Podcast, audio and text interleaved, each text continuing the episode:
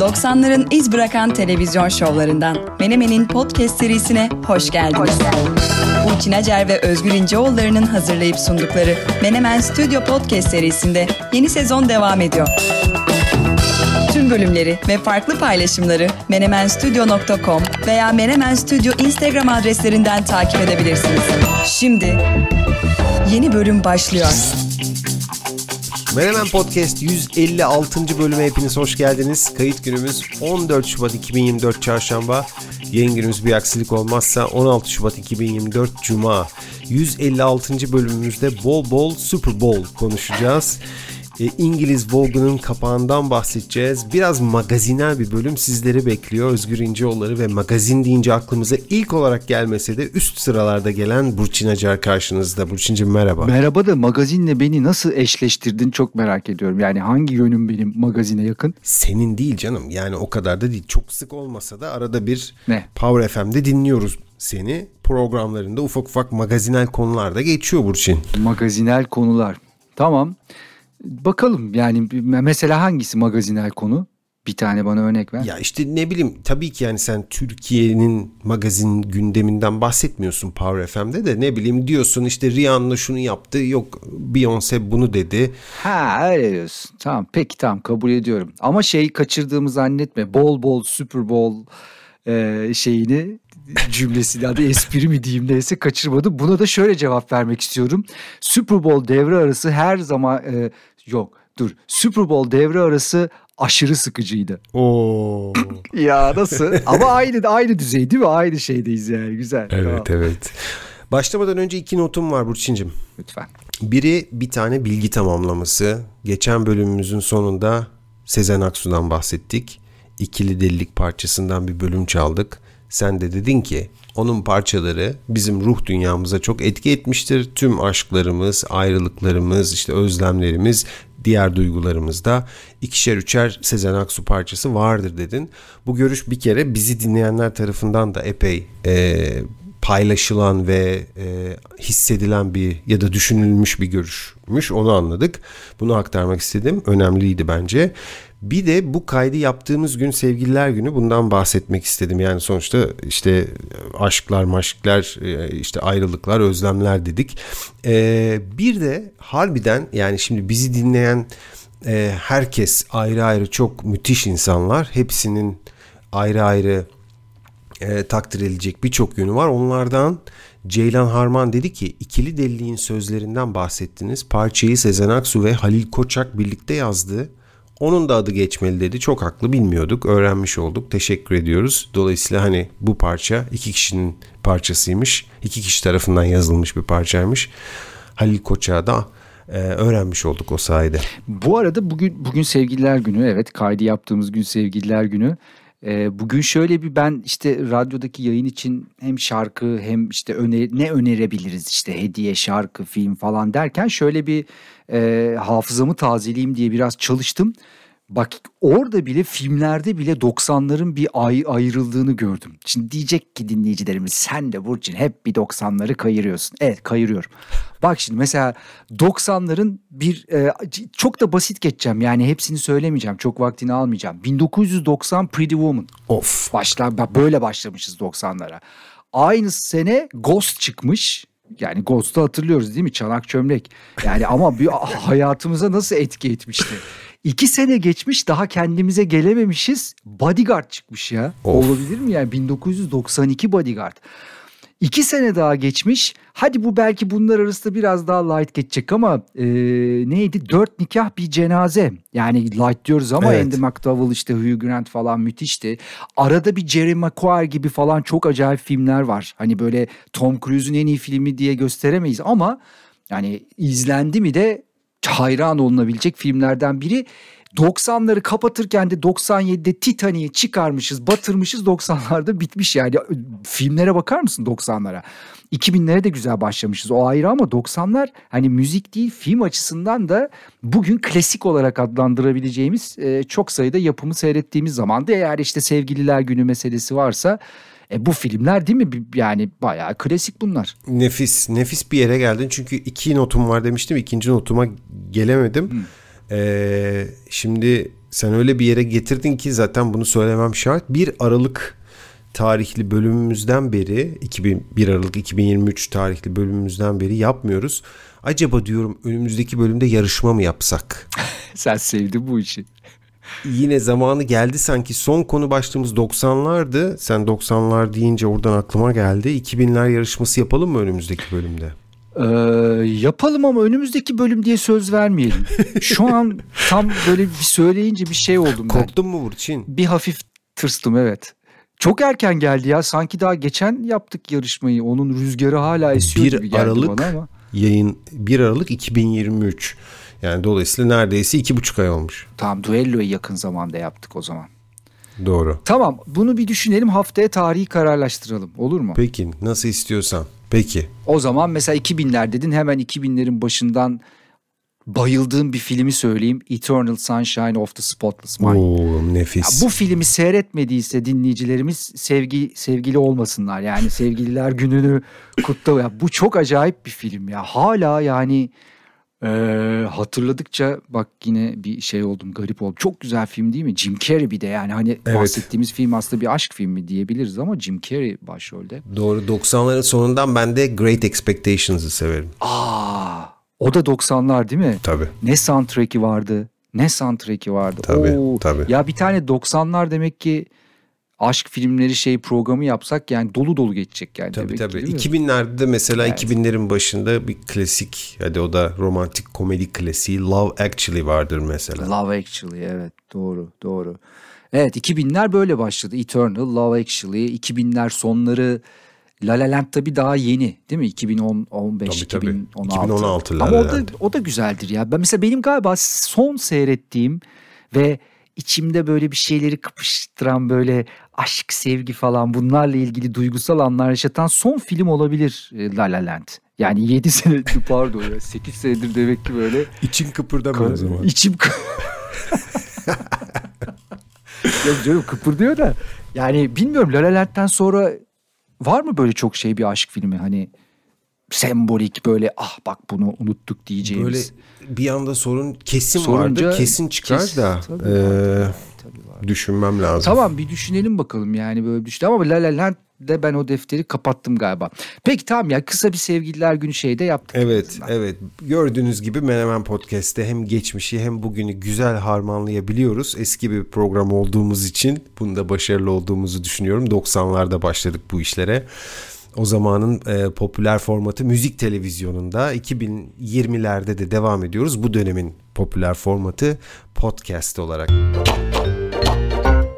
Şimdi buradan nereye varmak istiyorum? Yeni bir olayla başlayıp 90'lara gideceğim. Ee, yeni olay şu. İngiliz Vogue dergisinin editörü Edward Enninful görevinden ayrılıyor. Yayıncı şirket Condé Nast'ta bir daha farklı bir göreve geçiyor. Böyle danışmanlık e, tarzında bir göreve gidiyormuş. Bu yüzden ayrılıyor Vogue'dan. Bu sebeple de son sayısını e, yapmış, hazırlamış ve veda etmiş. Son sayısı İngiliz Vogue'un e, Mart 2024 sayısı. Ee, bu arada bir not olarak iletelim. Edward Enninful e, Vogue'un ilk erkek ve ilk siyah editörü.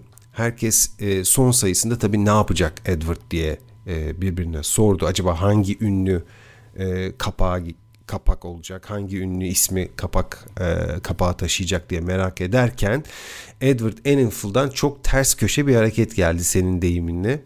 E, bir kişiyi kapak yapmadı. Tam 40 tane kadını kapağa taşıdı. Vogue'un kapağına taşıdı. İngiliz Vogue'un. Ee, birazdan bazılarını sayacağım. Bu 40 ismi de saymayacağım tabii ama ve bu arada hani 40 tane ismi işte yok hepsinin işte birer tane küçük kare fotoğrafını koymadı veya işte onları Photoshop'la falan bir araya getirmedi. Daha zorunu yaptı. Hepsi aynı anda stüdyodalardı ve hepsi birlikte poz verdiler ve bu denli meşhur 40 tane kadını aynı gün, aynı saatte, aynı yerde toplamak bence büyük bir marifet.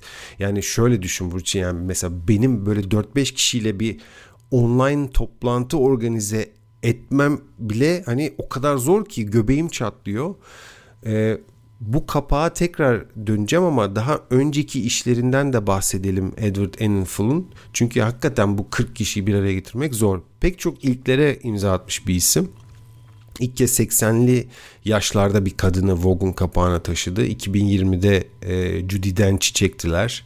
Judy Dench Vogue'un kapağına, e, kapağında gözüktü. 2023'te bir daha yaptılar ona benzer bir hareket. 80 yaşındaki Miriam e, Margoliz'i kapak yaptılar ki biraz da böyle e, cüretkar bir kapaktı o.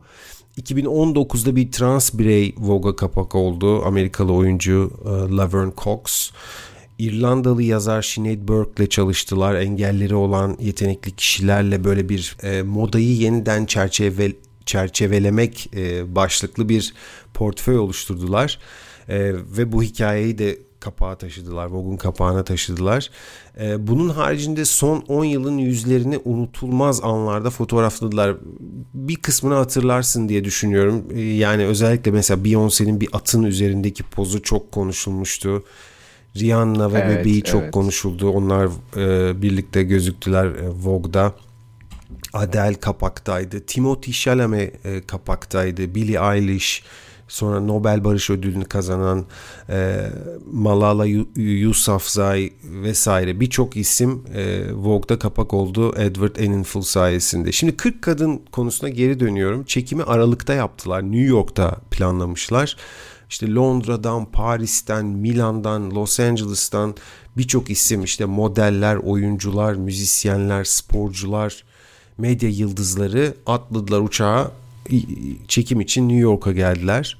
Dediğim gibi hepsini sayamayacağım ama bazı isimlerden bahsedelim. Mesela anne kız olarak çekime katılan bir e, Kaya Gerber ve Cindy Crawford var. Anne kız olarak geldiler onlar. Salma Hayek Pino geldi.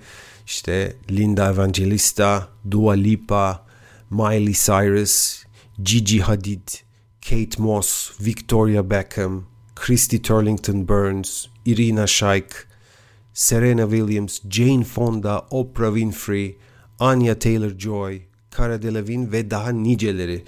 Ee, burada bir ara veriyorum. Diyorum ki yani mesela şimdi burada bir 90'lardan 2000'lere 2020'lere kadar en büyük işte top modeller ve birçok isim var.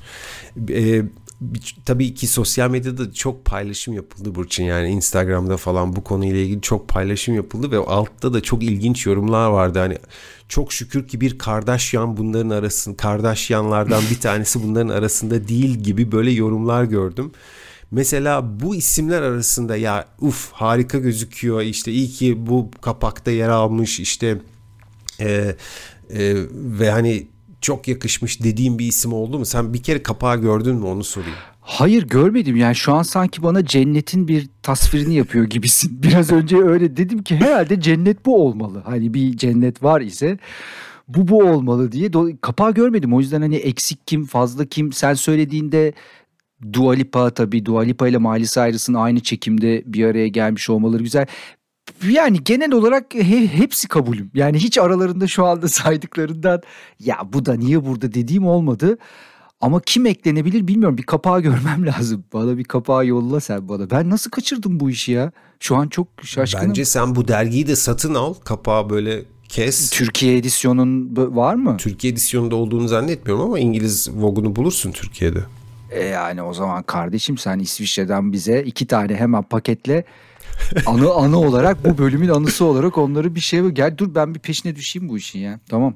Tamam. Şimdi 90'ların modelleri çok iyiydi. Yani o işte o ekip müthişti. İşte Cindy Crawford, işte Naomi Campbell, işte Linda Evangelista, Christy Turlington falan filan. Hatta bunların bir arada olduğu bir klip böyle benim en sevdiğim klipler arasındadır. George Michael'ın Freedom klibi. Yani o yüzden onların yeri bambaşka da işte yeni isimlerden ya da eski yeni isimlerden işte Irina Shayk veya işte e, ne bileyim e, e Gigi Hadid de onların arasında çok iyi duruyorlardı tabii. Ya ben o yeni dönemde çok isim mesela böyle sembol bir isim işte çok fazla yok benim hafızamda. Ee, mesela Gigi Hadid'i falan ben bir Cindy Crawford, bir Claudia Schiffer falan o, o şeye sokamıyorum ben bir türlü.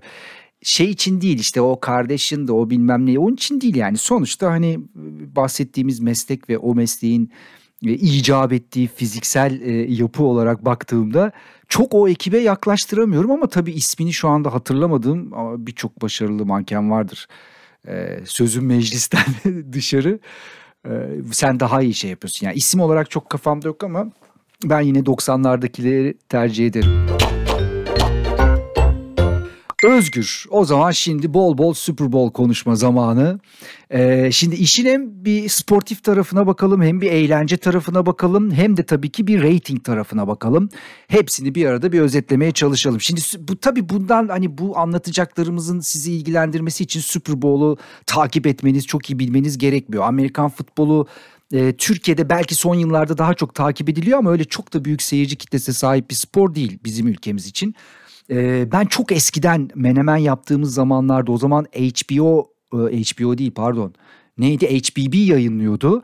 O zamanlar bir iki tane Super Bowl karşılaşması seyretmişliğim vardır Dallas Cowboys'un falan seyrettiği. Biraz ilgi duyuyordum o zaman ama sonra hiç alakam olmadı. Şimdi de devre arasına karşı bir ilgimiz var. Çünkü devre arasında işte bir, bir yıldız çıkıyor ve o devre arasındaki o performansı aslında işte tarihin en çok seyredilen müzikal performansları oluyor. Şimdiye kadar Michael Jackson'dan Prince'e, Lady Gaga'dan Beyoncé'ye, hip hop tarihinden ve işte Coldplay'e kadar yani aklınıza gelebilecek bütün büyük isimler çıktı. Aralarında favorilerimiz de var. Şimdi bu senede Usher çıkacaktı. Bunu biliyorduk. Dolayısıyla buna da karşı bir ilgimiz vardı. İlk önce sportif tarafa bakalım. Kansas City Chiefs 25-22 kazandı.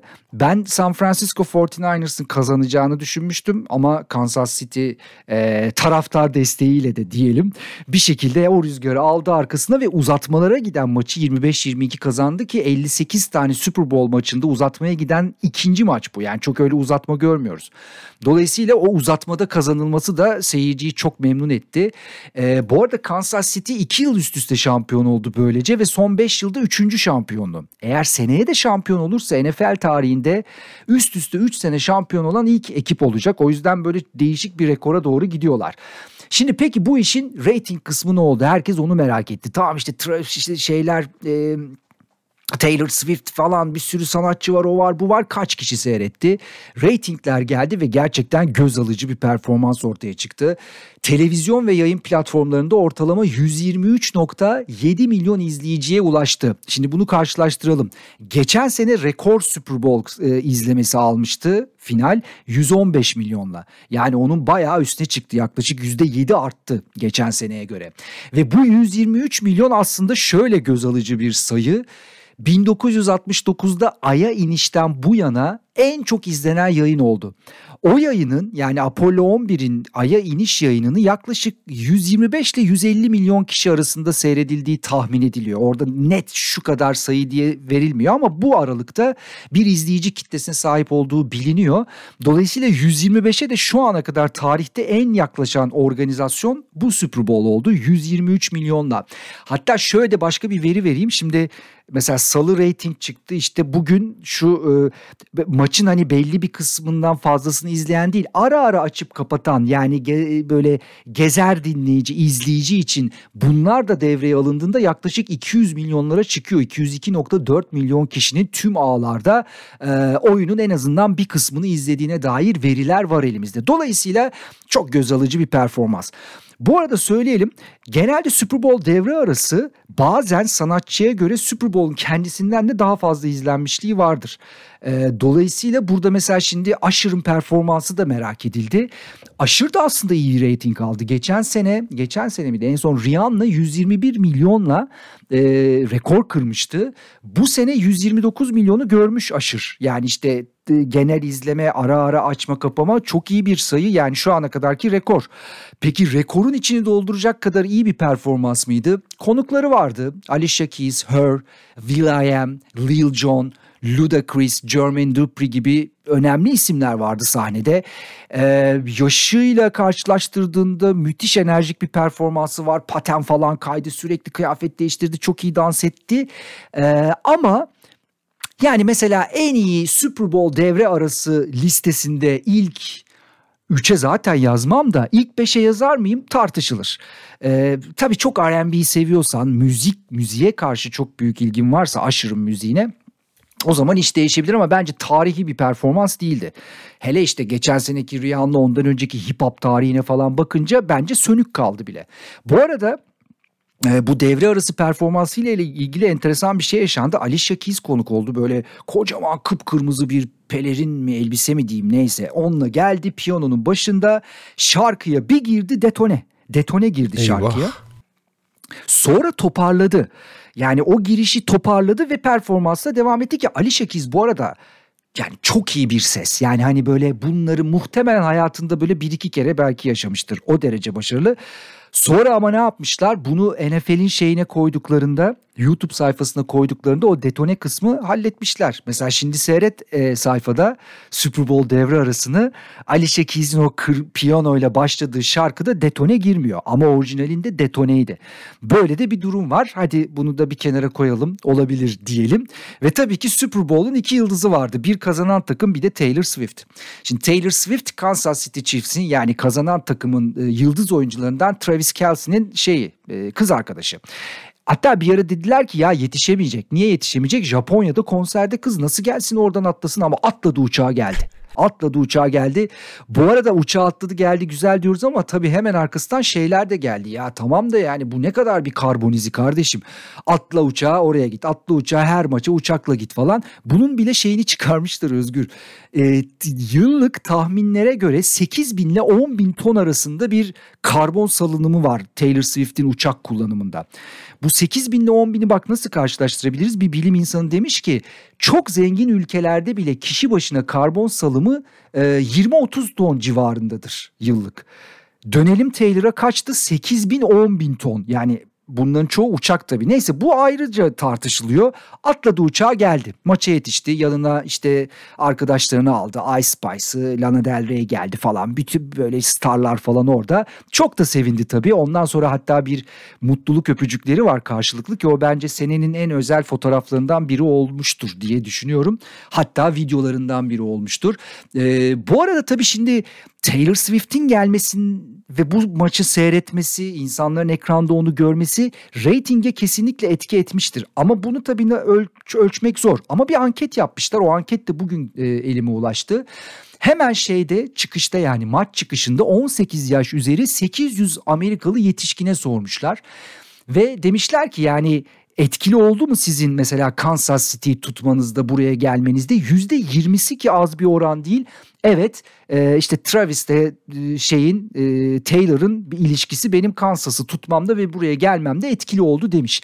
Ama bir taraftan da aynı ankette şöyle bir sonuç çıkmış. Yüzde otuz dördük de Taylor Swift'in NFL için dikkat dağıtıcı olduğunu düşünüyormuş. Hmm.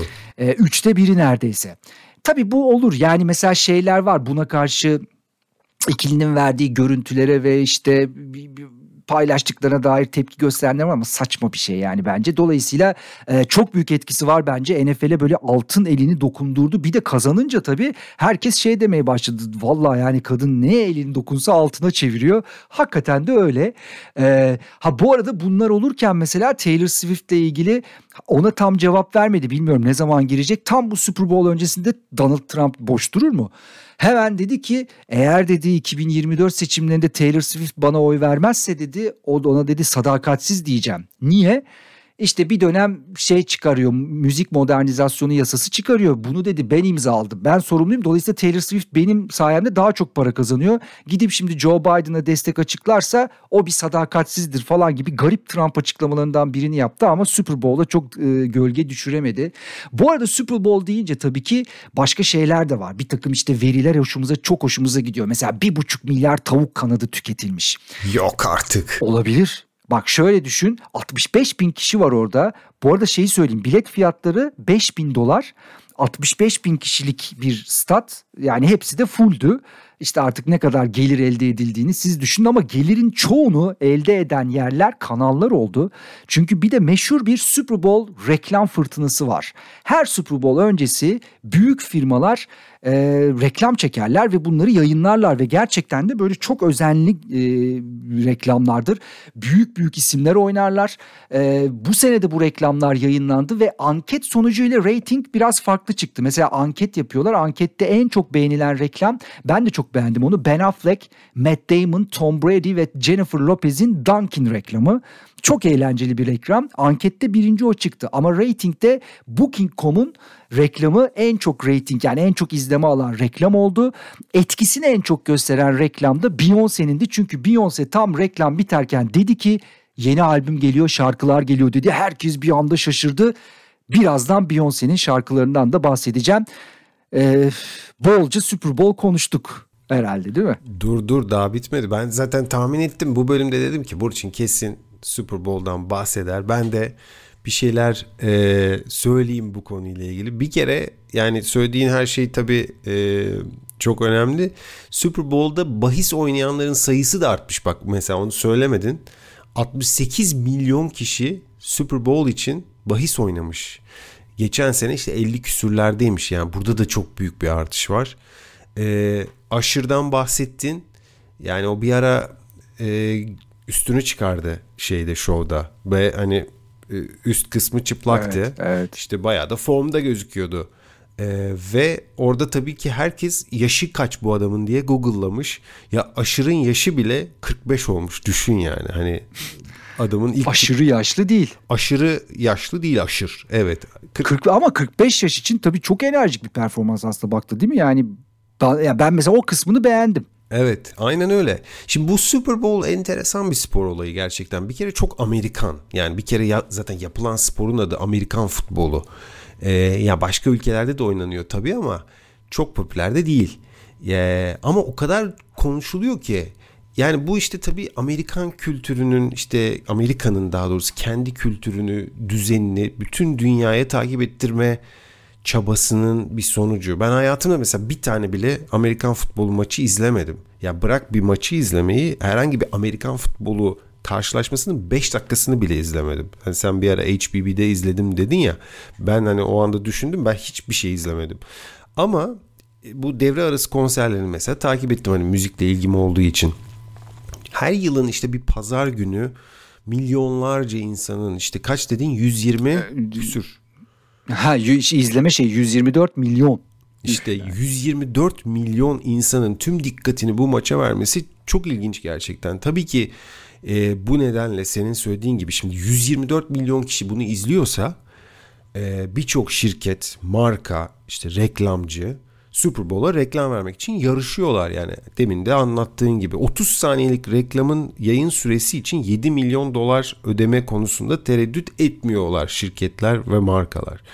Ee, ve bu büyük maçın aralarında yayınlanan reklamlar da e, hangi endüstrilerin, hangi firmaların, markaların şu günler içerisinde ya da şu aylar içerisinde çıkışta olduğunu veya çıkışa geçmeyi hedeflediğini bize gösteriyor. Yani oradan şeyi okuyabiliyorsun. İşte pazarlama dünyasında, reklam dünyasında veya iş dünyasında genelleyelim. Ee, hangi şirketler işte Amerika e, yani en azından Amerika pazarında e, ilerlemeyi hedefliyorlar ya da ilerliyorlar. Şimdi bir araştırma yakaladım ondan bahsedeceğim. Yakın zamanda Super Bowl'a reklam veren markaların sektör sayılarını gösteren bazı grafikler vardı e, Burçin bu araştırmada. Yiyecek ve içecek sektörü yani tüketici ürünleri öne çıkıyor. Bir de e-ticaret platformları öne çıkıyor. Mesela demin booking.com'dan söz ettim mesela. Bu da öne çıkıyor. Yani gerçekten tüketici ürünleri özellikle de yiyecek ve içecek ve işte Dunkin Donut da dedin az önce ve işte booking.com gibi e-ticaret platformları öne çıkıyor. İlginç bir başka not var. Kişisel bakım. O markalar da çok reklam vermişler Super Bowl'da. Yani özellikle kadın seyircilere yönelmişler. Bu işte tamamen Taylor Swift etkisi de olabilir. Taylor sayesinde kadın izleyici artmış. Yani e, Super Bowl'u izleyen kadınların sayısında art, artış var. Mesela L'Oreal'in iki tane markası ilk Super Bowl reklamlarını yayınlamışlar bu yıl. Ee, NYX Cosmetics ve CeraVe yanlış hatırlamıyorsam umarım doğru söylemişimdir marka isimlerini. Dove mesela e, o da bir kişisel bakım markası çok da büyük bir marka 18 yıl sonra ilk kez geri dönmüş Super Bowl'a. E, ELF Kozmetik mesela üst üste ikinci yıl reklam vermiş. Kozmetik markaları yani gerçekten öne çıkmışlar. Yiyecek içecek ve e-ticaret dedik ama e, kozmetik markaları, kişisel bakım markaları da öne çıkmış. Bunların haricinde e, markalar bile e, özellikle hani biliyorsun ünlü kullanımı çok yaygın sen de söyledin. E, kadın konuk yıldızları tercih etmişler. E, başka mesela ilk kez reklam veren firmalar da olmuş, markalar da olmuş ki demin söyledim yani 30 saniyesi 7 milyon dolar yani büyük marka bile olsan çok ciddi bir bütçe bu. Yani 30 saniyede 7 milyon dolar vermek. Mesela MGM'in bahis sitesi BetMGM mesela e, ilk kez reklam vermiş. Mesela Drumstick diye bir dondurma markası ilk defa duydum ben. İlk kez reklam vermiş Super Bowl'a. Nerds diye bir yanlış bilmiyorsam bir şeker markası var. Link çikolata İsvi- İsviçre'nin markasıdır. Starry Silk diye bir mesela badem sütü markası. E, spor içeceği Body Armor, Pop Eyes, Etsy gibi markalar ilk kez Super Bowl'a reklam vermişler. Dediğim gibi yani bu hani bu ya atılım yapmaya çalışan ya da zaten atılımda olan sektörlerin markaları. Bu hafta sonunda NBA'de All Star karşılaşması var yanlış bilmiyorsam. Evet. Ee, ama bu tabii Super Bowl'la karşılaştırılmaz e, etki açısından. Bir de yazık e, aynı akşam Afrika Kupası finali vardı Super Bowl'la aynı akşam. ya maalesef kimse takmadı onu. Yani koskoca Afrika kıtasının yani dünyanın en fazla ülkesinin olduğu kıtanın kupasının finalini kimse konuşmadı. E yani Taylor Swift'i mi seyredeyim, Osay Samuel'i mi seyredeyim? Yani ikisi arasında bir seçim yapınca Taylor Swift'e kayıyorsun. Bu arada ama tabii ya dediğin şeyler çok enteresan. Bu arada şeyi düşündüm. Şimdi 7 saniyesi 7 milyon dolar, pardon 30 saniyesi 7 milyon dolar ya. Arada 1 dakika 1,5 dakikalık reklamlar var. Yani hepsi böyle 30 saniyede bitirmiyor işini. Bir de tabii oradaki sanatçılara ödenen şimdi sen söyleyince o hesap tabii klasik Türk şeyi hemen hesaplamaya çalışıyor. Bir, bir dakikaysa hadi 14 milyon kanala verdin. E sanatçılar 3 tane sanatçı kullansan her birine bu paranın çok daha üstünde bir para vermen lazım. Yani bir reklamın maliyeti yayınlama maliyeti 7 milyonun çok çok üzerine çıkıyor. Acaba bundan nasıl bir getiri elde ediyorlar zaman içerisinde onu da merak ettim. Şimdi sen konuşurken hani belki de böyle bir veri vardır buna bakabiliriz. Ama totalde şeyi söyleyebilirim spor organizasyonunu ve bunu bir eğlenceye bir marka haline getirme işinde gerçekten Amerikalılar e, bence dünyada en iyisi. Zaten mesela onların el attığı şeylere bakıyorsun. İşte mesela Premier Lig'de biraz o o o şeyi görüyorsun. Mesela sahiplerinin bazıları Amerikalı olmaya başladı. Onlar ligin işte bu entertainment kısmına çok fazla önem veriyorlar. NBA dediğin gibi NBA de az buçuk izlenmeyecek. O da onlar da mesela bu devre arası işine sanatçı vesaire o işlerde bayağı bir yol aldılar. Hatta bu sefer LED bir sahada yapacaklar. Yani bak hep işin o eğlence kısmı, seyirciyi memnun etme, şaşırtma bu konuda gerçekten çok iyiler. Yani bizimki sadece Türkiye için demiyorum. Avrupa veya Asya ile karşılaştırınca bambaşka bir yerdeler. Bunun da etkisini görüyorlar. Evet dediğin gibi bak NBA'yi seyredelim. O LED şeyi sahayı çok merak ediyorum. Acaba göz alacak mı almayacak mı üstündeki insanlar nasıl gözükecek o LED'de neler akacak falan. Yani acayip bir deneyim de orada bizi bekliyor. Onu da haftaya konuşuruz. Özgür bu arada biraz önce bir pas attım buraya ben. Beyoncé'nin işte Beyoncé'de bir reklama çıktı ve o reklamın sonunda bir anda yeni şarkılar geliyor dedi. İnsanlar aa falan derken hop pat küt bir saatte iki tane şarkıyı paylaştı. İki şarkı da country şarkısı. Şimdi aslında biz bunun ipucunu nerede almıştık? Grammy'de almıştık. Grammy'ye böyle bir beyaz kovboy şapkasıyla gelmişti. O zaman söylemişlerdi ya buradan bir country şarkısı mı geliyor, albüm mü geliyor falan. Hakikaten de öyleymiş. Geldi. İki tane tipik country şarkısı yapmış. Ben şarkıları da beğendim bu arada. Hani şey e, ya bu ne Beyoncé'ye hiç oturdu oturmadı demeyeceğim. Çok da güzel kullanmışlar sound'u. İki tane güzel şarkı çıkardı.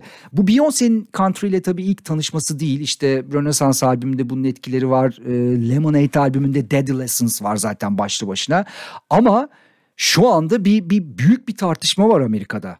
Ve bu tartışmanın merkezinde Beyoncé ile radyolar var tabii ki benim de dikkatimi çekti. Olay şu. Şimdi country radyoları Beyoncé'yi çalacak mı çalmayacak mı? Şimdi biz hemen ya çalsınlar değil mi? Yani ne kadar yani bunda tartışılacak ne var diyoruz ama e, Amerika'da geçmişten beri gelen bizim tabii çok hani kültürümüze dahil olmadığı için bilmeyi bile biliriz. Siyahi kadınların ve erkeklerin yani siyah e, sanatçıların e, bu formatta neredeyse tamamen e, dışlanmış olmaları ve dolayısıyla bu aslında arkada bir ırkçılık da e, barındırıyor ve bu aslında tarihsel bir süreçte ortaya gelen bir şey. E, yani bu bugünün işi değil. Country müzikte pek siyah göremeyiz. Ee, bir dönem Ray Charles'ın hatta bu konuda birkaç şarkısı olmuş. Kimi radyo çalmış çalmamış falan. Böyle bir sorunsal hep bir tarafta duruyor. Dolayısıyla herkes şunu merak ediyordu. Beyoncé'nin şarkısını çalacak mı? Ve tam bu merak edilirken bir gün sonra Oklahoma'da bir country radyosuna bir dinleyici e-mail atıyor. Diyor ki ya Beyoncé'nin şarkısını çalacak mısınız istek şarkısı gibi. Cevap veriyorlar. Biz bir country müzik istasyonu olduğumuz için bu radyoda Beyoncé'yi çalmıyoruz gibi yani ne biçim soru sordun tabii ki biz Beyoncé çalmıyoruz tarzında bir cevap geldi. Tabii bu cevap kamuoyuyla paylaşılınca biraz önce söylediğim o tarihsel kökler konuşulmaya tartışılmaya başlandı. Bazı radyolar haber olarak verdiler country radyoları bir iki tanesi çaldı ama şu anda böyle radyoların içinde olduğu bir tartışma gidiyor. Buradan ya bir devrim niteliğinde bir durum çıkacak. Country radyoların hemen hepsi Beyoncé'yi çalacaklar ve bu bu imaj tamamen çöpe gidecek ya da işte yani bildiğimiz o işte genler ortaya çıkacak. Hazır Trump seçimleri falan da var falan böyle bir garip bir durum yaşanacak. Şu anda daha böyle çok sıcak bu. Yani daha böyle dünün haberi. Önümüzdeki hafta bununla ilgili çok daha şey veri e, olur elimizde. Yani kaç radyo çalmış, ne yapmışlar, ne etmişler ama hiç hoş değil ama şarkılar hoş. Tahminin ne? Ne olur? Yani bence hepsi demeye, demeyeyim çünkü onlarda böyle katı bakacak mutlaka şeyler vardır ama e, hiçbiri çalmazın ötesine geçecektir. Ben çoğu radyonun çalacağını düşünüyorum çünkü Beyoncé bile hani böyle yeni çıkmış bir sanatçı değil. Çok böyle soundlar ötesi üstü bir isim. Ona çok kayıtsız kalabileceklerini zannetmiyorum. Hatırla bir ara böyle Taylor Swift'le Spotify çekişmişti.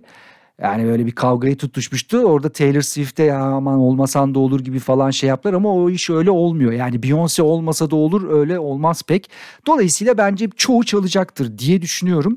Ee, ama bakacağız. Yani bu siyaseti de iç, içine alacak bir süreç olacak. Çalmazlarsa Jay-Z çaldırır onlara. Değil mi? Telefon ederek. Ben Jay-Z. Evet evet. Geliyorum. Burçin ya kayıt günümüz 14 Şubat'a denk geldi. Sevgililer gününe özel istek isteyebiliyor muyuz? Sevgililer gününe özel istek. E, tabii ki ya şimdi sen bu kadar duygusal romantik yaklaşmışsın hayır mı diyeyim yani. Sen şimdi daha başta kaydın başında işte yok Pretty Woman dedin yok işte ne bileyim ne dedin e, Bodyguard dedin başka ne dedin bir, bir ton film saydın. Eternal Sunshine of the Spotless Mind dedim Jerry Maguire dedim Titanic dedim Four Weddings and the, the Four Weddings miydi? One film. Four Weddings and a Funeral. Ha, funeral vardı. E, La La Land de dedik de dedik yani bayağı bir şarkı. Sliding Doors ne zamandan? Oo, Sliding Doors da 2000'ler mi acaba? 2000'ler olabilir. Olabilir. Şimdi ben istek istiyorum ve diyorum ki George Michael'dan A Different Corner'ı istiyorum. Biraz hüzünlü bir parça Burçin. Farklı bir köşe parçanın ismi A Different Corner. Yıl 1986. Ee, o zaman George Michael hala Wham grubunun bir üyesi. Aslında bu şarkı ve Careless Whisper onun ilk solo parçaları denebilir. Yani o böyle ayrılma dönemi, Wham'den ayrılma ya da işte ikilinin kopması dönemi. Bu arada hala izlememişler varsa Netflix'te çok güzel bir belgeseli var Wham grubunun. Kendi söylediğine göre George Michael'ın kendi söylediğine göre A Different Corner'ı yazdığında hayatının en zor dönemlerinden birindeymiş e, şimdiye kadar yaptığı en dürüst ve en kişisel şarkı olduğunu da söylüyor. Söyle, söyledi hayattayken. Kendimi çok kötü hissediyordum diyor. Stüdyoya girmiş ve tam olarak hissettiği gibi kayıt yapmış. Ee, kısmen işte Wham grubunun sonunu, kısmen de yaşadığı bir ilişkinin sonunu anlatıyor parçada bir şekilde içimdeki o hislerden kurtulmam gerekiyordu diyor. Bunun hakkında bir şarkı yazmam gerekiyordu diyor. Yaşadığı ilişki çok böyle hızlı gelişmiş, kısa bir sürede e, gelişmiş ve kısa sürede böyle duygular yaşamayı ve bunların bu kadar kalıcı olacağını beklemiyordum e, diyor röportajın yaptığı röportajda e, ve tekrar ayağa kalkması bu ilişkiden sonra bayağı uzun sürmüş ve yakın bir arkadaşı A Different Corner'ı dinledikten sonra George Michael'a demiş ki ya demiş bu şarkı çok acıklı ama çok güzel. Dolayısıyla Burçin'cim istisnai olarak bir istek parçası yapıyorum. George Michael A Different Corner istiyorum ve diyorum ki bir sonraki bölümde tekrar buluşmak dileğiyle. Hoşçakalın. Görüşmek üzere.